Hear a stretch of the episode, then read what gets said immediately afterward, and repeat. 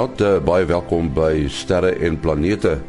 Ons het vanaand vir Dr. Japie van Sail, Willie Koorts en vir Mati Hofman, professor Mati Hofman by die mikrofoon.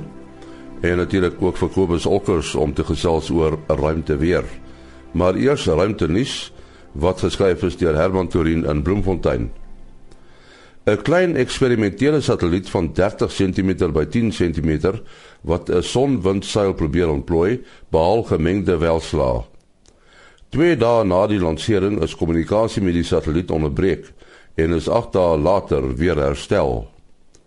Die probleem is dat die span wat aan die hoof van die sending staan, die planetêre vereniging, nie weet wat die rekenaar van die tuig, bekend as Lightsail, laat ontvlies het nie. Boonop blyk dit of die tuig nou vinniger in die ronde tuimel as toe kommunikasie verbreek was. Dit sal die ontplooiing van die seil wat aandrywing deur die sonwind moontlik moet maak erg bemoeilik. Lightsail is op 20 Mei gelanseer toe dit 'n rygeleentheid ruimte toe gekry het toe die VSA geheime robottuig die X-37B ruimtevliegtuig gelanseer het. Die Europese Ruimteagentskap het pas die 40ste herdenking gevier van die totstandkoming van die konvensie vir die Europese Ruimteagentskap. Samewerking op verskeie terreine vind egter al meer as 50 jaar lank plaas. In die 60er jare het die Europese Launcher Development Organisation ELDO tot stand gekom. Bestaande uit 6 lande: Nederland, België, Frankryk, Duitsland, Italië en die Verenigde Koninkryk. In 1975 is die konvensie opgestel waardeur verskeie regerings ingebind is vir die totstandkoming van 'n verenigde ruimteagentskap. Die konvensie van die Europese Ruimteagentskap het in 1980 van krag geword. Estland en Hongarye het vanjaar nog lid geword wat die ledetal tot 21 lande opgeskuif het. Nog sewe state het samewerkingsooreenkomste met die agentskap gesluit. Tot sover ruimtenuus wat geskryf is deur Herman Torin in Bloemfontein. En nou Kobus Olkers met uh, sonweernuus. Goeienaand en goeienaand luisteraars. Ja, hierdie week is die son weer lekker stil. Uh, dit lyk vir my asof ons 'n groot filament hier aan die uh, suidekant van die son het wat omtrent die hele onderkant lank loop. Hy lyk nie vreeslik onstabiel nie alhoewel daar een segment van hom is wat wat dalk 'n bietjie lyk asof hy kan opstyg en of van 'n tyd en dalk van sy korona, maar sy uitbarsting kan gee en de, en hy is ook natuurlik op 'n oomblik in 'n in 'n geo-effektiewe posisie wat uh dinge kan interessant maak. Dis veral vir elektrisiteit uh en so en later in die week. En dit was dan Kobus Olkers daar in Florida, Amerika. Dis die uh, eerste Sondag in die maand. En die maand is Junie maand en uh ons het vir uh Dr. Japie van Sail van die Jet Propulsion Laboratory by ons uh en dan natuurlik ook vir Willie Koorts van die SAAO en professor Mati Hofman van die digitale planetarium in die Boden Sterrewag die Universiteit van die Vrystaat. Nou ek wil sommer met die deur in die huis val en sê dat ons uh, aan die begin van Julie, met ander woorde volgende maand op die uh, 10de en die 11de Julie, die Vrydag en die Saterdag aand, het ons vir Dr. Japie van Sail as 'n spreker by twee geleenthede. Die eerste geleentheid is dan die 10de Julie die aand by die SAIK in Johannesburg in die M1 ateljee en die tweede geleentheid 'n besondere plek die 11de Julie die Saterdag aand by die digitale planetarium in Bloemfontein. Nou ons sal later uh in die program en ook uh op uh RSG uh gaan ons laat weet uh, wie moet julle mee kontak maak om vir die aand te bespreek. So julle moet maar fyn luister om uh, die telefoonnommers en al die inligting te kry. Maar Japie, jy moet net vir ons vertel wat wat gaan die tema van jou gesprek wees? Ah, uh, dankie Jenny. Ja, die die uh, tema van my gesprek uh soos die luisteraar seker weet, uh die JPL, die Jet Propulsion Laboratory is NASA se um sentrum wat um die uh, ons sonnestelsel veral uh met uh onbemande satelliete verken. So uh, ek gaan 'n bietjie vir die luisteraars uh, en vir die mense wat kom na na, na die praatjies toe 'n oorsig gee van die soort van werk wat ons doen van ons sendinge wat ons na Mars toe, sendinge na die ehm um, van die asteroïdes toe en uh, natuurlik ook dan die maane van Jupiter en die maane van Saturnus.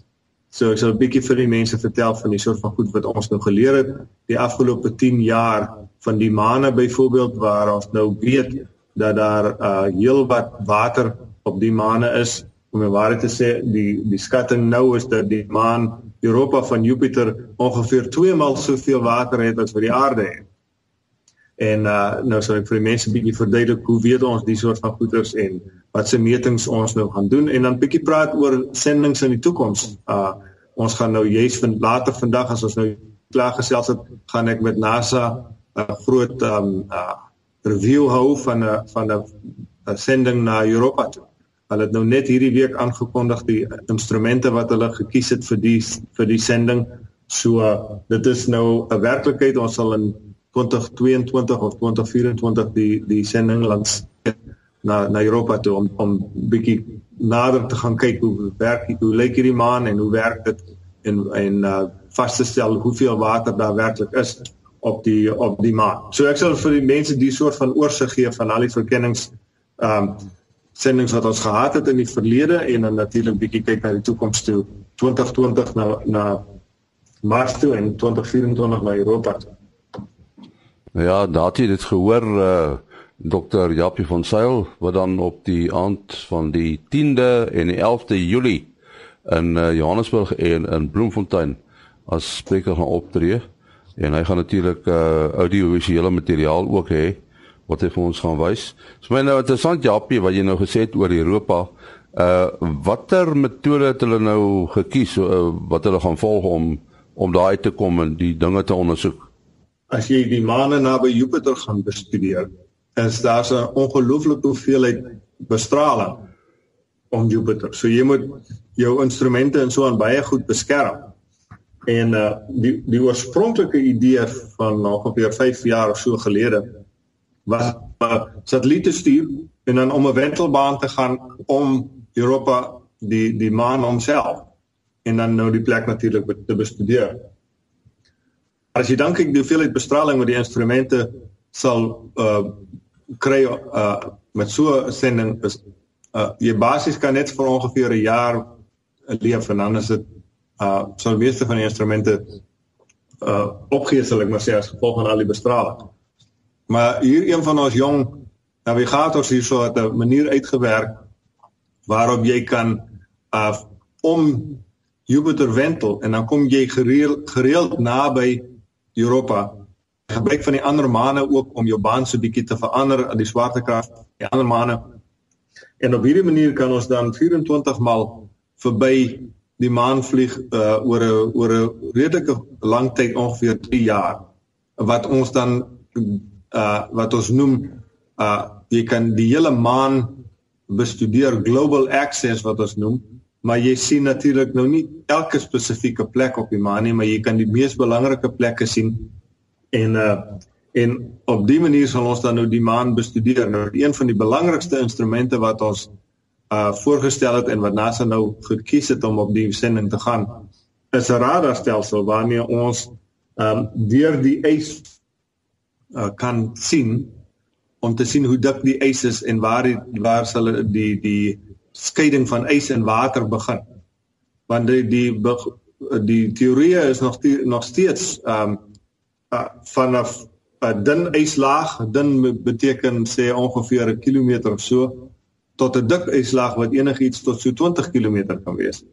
Uh en die radar sal natuurlik nou vir ons dan die data kan gee en vir ons sê hoe dik is die yslaag. So nou hoef ons nie verder daaroor te strei nie, maar dan weet ons nou presies hoe dik is die yslaag op die oomblik. So dis een van die belangrikste instrumente wat ons gaan saamvat. Maar so ja, mense gaan nou uh ongeveer 3 jaar lank sal ons dan nou uh om die uh Jupiter maane stelsel wentel en elke slag kom ons uh, naby aan uh, aan die maan Europa en dan sal ons nou dit, dit uh, nader bestudeer. En jy het gesê dit gebeur nou in 2020 of wanneer? Uh ons is gereed om dit 2022 te lanseer. Uh en dan dit hang natuurlik nou af van die van uh, die begroting wat NASA kan uh, gee per jaar of jy dit wel 2022 kan doen of 2024. As hulle nie soveel geld per jaar kan beskikbaar stel nie, dan sal ons uh uh heel waarskynlik 2024 laat sien. Nou daar is natuurlik nou nog 'n ander um uh ding wat nou ook nog 'n bietjie bespreek word en dit is of ons uh beide beide uh, uh sogenaamde satelliete uh, orbiter sal vat of ons ook 'n lander sal saamvat 'n klein landertjie wat op die op die maan kan gaan land. Um die tegnologie om die lander te bou is 'n bietjie meer van 'n van 'n uitdaging sal ek sê. So as ons die lander ook moet bou, sal ons heel waarskynlik in uh, 24 eers kan gaan. Maar op die oomblik beplan ons net vir 'n sending wat um, met die met die satelliet om die stelsel sal wentel en nie 'n lander ook sal doen. Die idee is 'n mens wil eers sien waar is die beste plekke om te land voordat jy nou weer 'n lander sien bestuur. En en gaan julle gebruik maak van die die die SLS uh, die Space Launch System om te lanseer?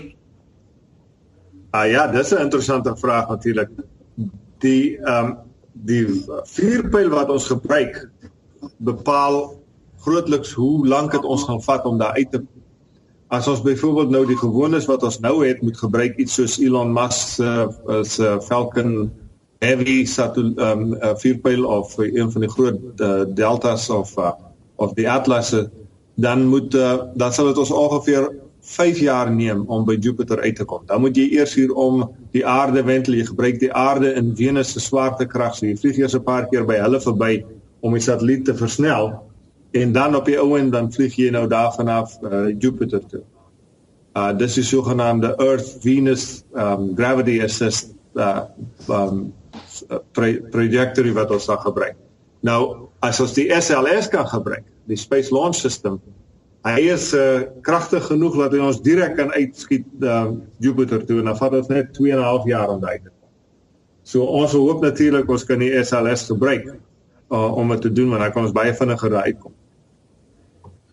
Ja, ek wil gou 'n bietjie hoor die die die straling um van Jupiter.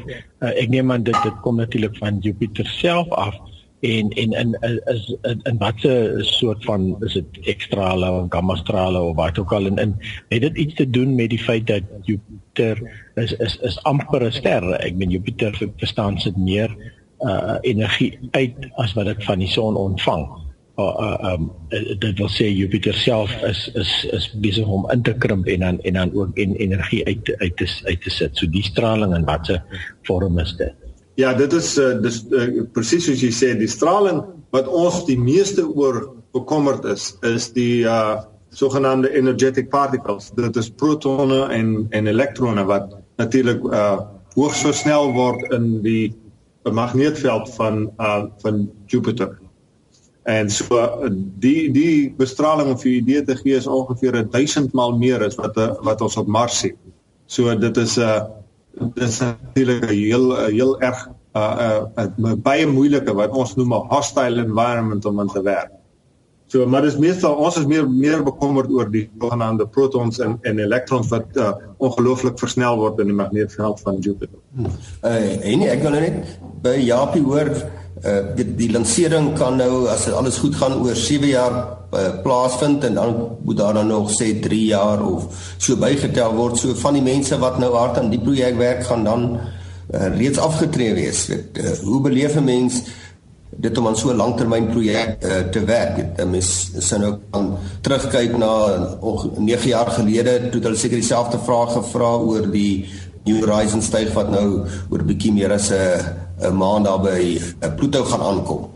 So op die ou end as mens terugkyk dan die tyd dalk vinnig oop eh, omgegaan maar as mens vorentoe kyk dan lyk dit na 'n baie lang tyd om te wag. Ja nee kyk dit is dis eh, dis presies wat jy sê dit is 'n uh, uh as jy nou dink die studies die oorspronklike studies vir hierdie Europa ek was oorspronklik uh uh een van die mense wat voorgestel het om hierdie uh radar te neem om uh om die ys te bestudeer.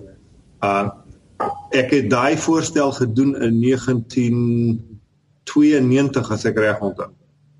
So sedert 1992 bespreek ons nou al wat is die beste manier om vir Europa te bestudeer en dis natuurlik nog voor ons al hierdie ander inligting gekry het wat ons intussen gekry het omtrent die magneetveld wat verander word in die omgewing. Uh Europa verander die magneetveld van Jupiter in sy uh in sy uh, uh jy weet naby Europa homself.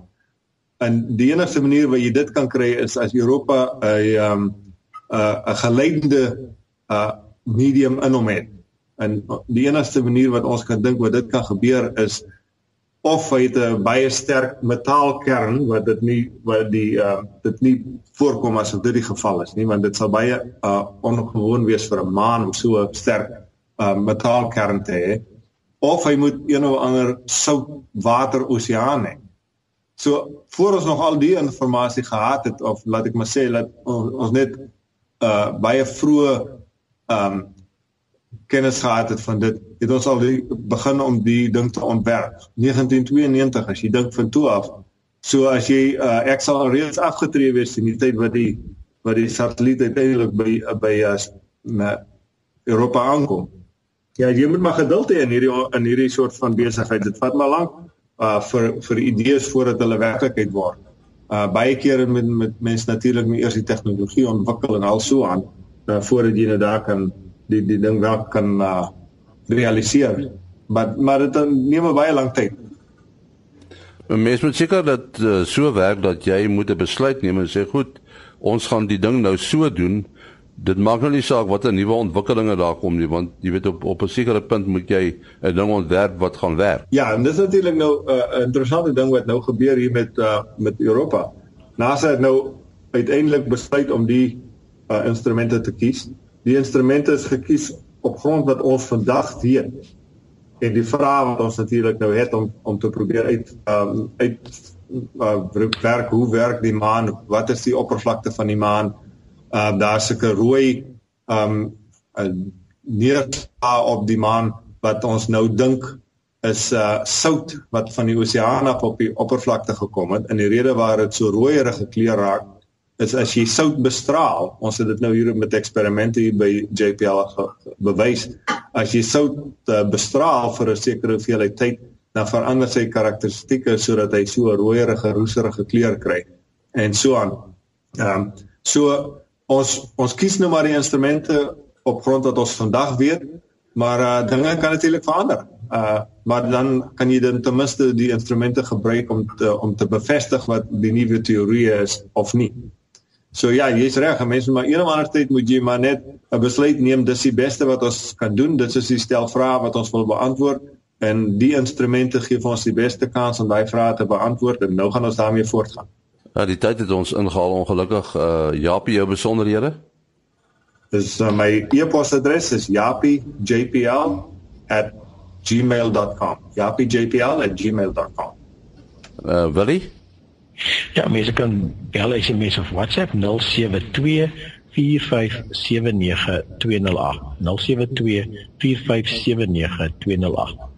En dan uh, Mati 0836257154 die mense ge, uh, luisteraars kan gerus onthou ook daar by Sterre en Planete se Facebook groep te kom kuier. Hulle kan net aansoek doen en dan keer ons vinnig uh, goed dit dit uh, afvaar ons die uitnodigings en uh, dit is nogal baie interessante inligting wat daar gedeel word. Ja, wel, hoeveel mense is nou al op daai groep? Is dit by die 3000? Uh, Jesus, ons het nou eendag die 3000 keer oorskry. Ja, so dit gaan baie lekker en 'n klompie mense wat oulike projekte aan die gang mee is en uh lekker om sommer so hulp te kry wat daar en daar's 'n klomp ouens wat hierdie moeilike vrae sommer self antwoord. So ek en ek en Matie sit bietjie terug en in in kyk net die storie. ja, ons leer ook heelwat nuwe dinge. My besonderhede is maas.henny@gmail.com. maas.henny@gmail.com. Tot 'n volgende keer dan, alles van die beste.